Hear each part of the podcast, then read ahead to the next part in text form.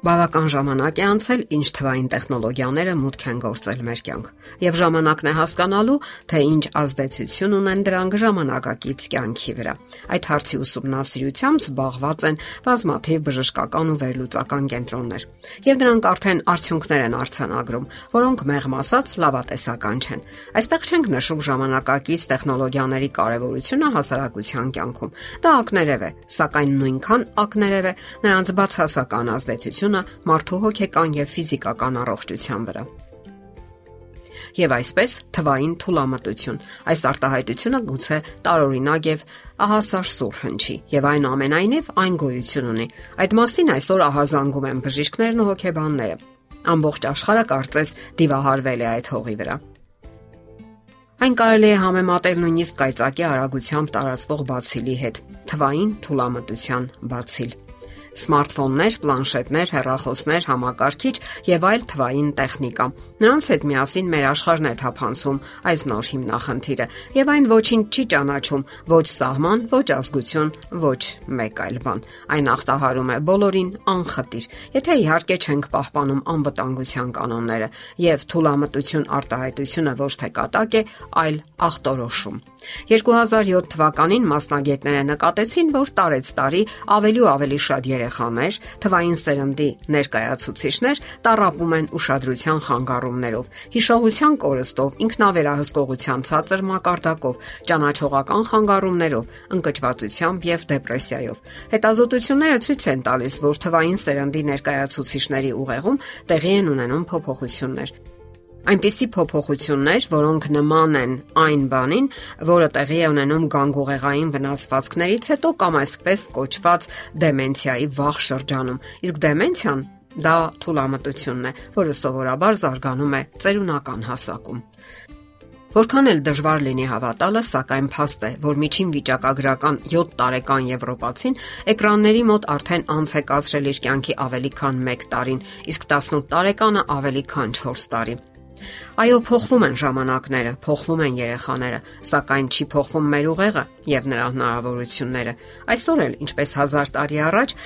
նրանց ուղեղում կա 100 միլիարդ նեյրոն, որոնցից յուրաքանչյուրը կապված է տասնյակ հազարավոր իր նման նեյրոնների հետ։ Ուղեղը հարկավոր է զարգացնել եւ սնել։ Մեր բոլոր մտքերը, գործողությունները,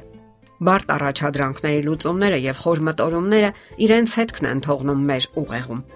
Ոչինչ չի կարող փոխարինել այն բանին, ինչ երեխաները ստանում են սեփական, ազատ եւ անկախ մտածողությունից, երբ հետազոտում են ֆիզիկական աշխարհն ու բախվում նոր երևույթների հետ։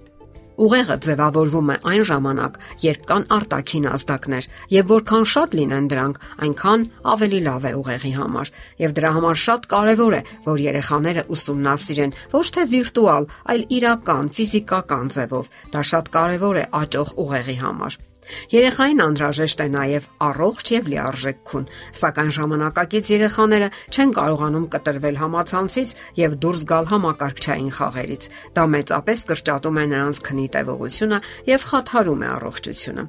Ինչ զարգացման մասին կարող է խոսք լինել, երբ դու հոգնած ես ու հյուծված եւ դպրոցական առաջադրանքները ոչ մի կերպ չեն տեղավորվում քո ուղեղում։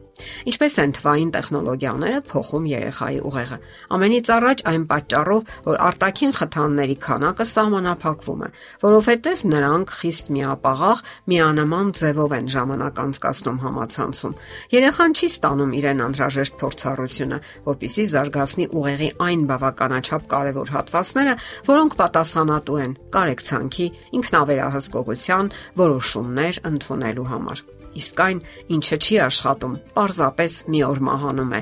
Երբ մարդը օրինակ չի քայլում, նրա ոտքերը թերաճում են։ Երեխաները այլևս հետ են վարժվում տեղեկատվությունը հիշելուց։ Նրանք այն թեթևորեն գտնում են համացանցի որոնման համակարգում։ Ահա եւ քեզ հիմնախնդիր հիշողության հետ։ Նրանք բոլորովին չեն մարզում իրենց հիշողությունը։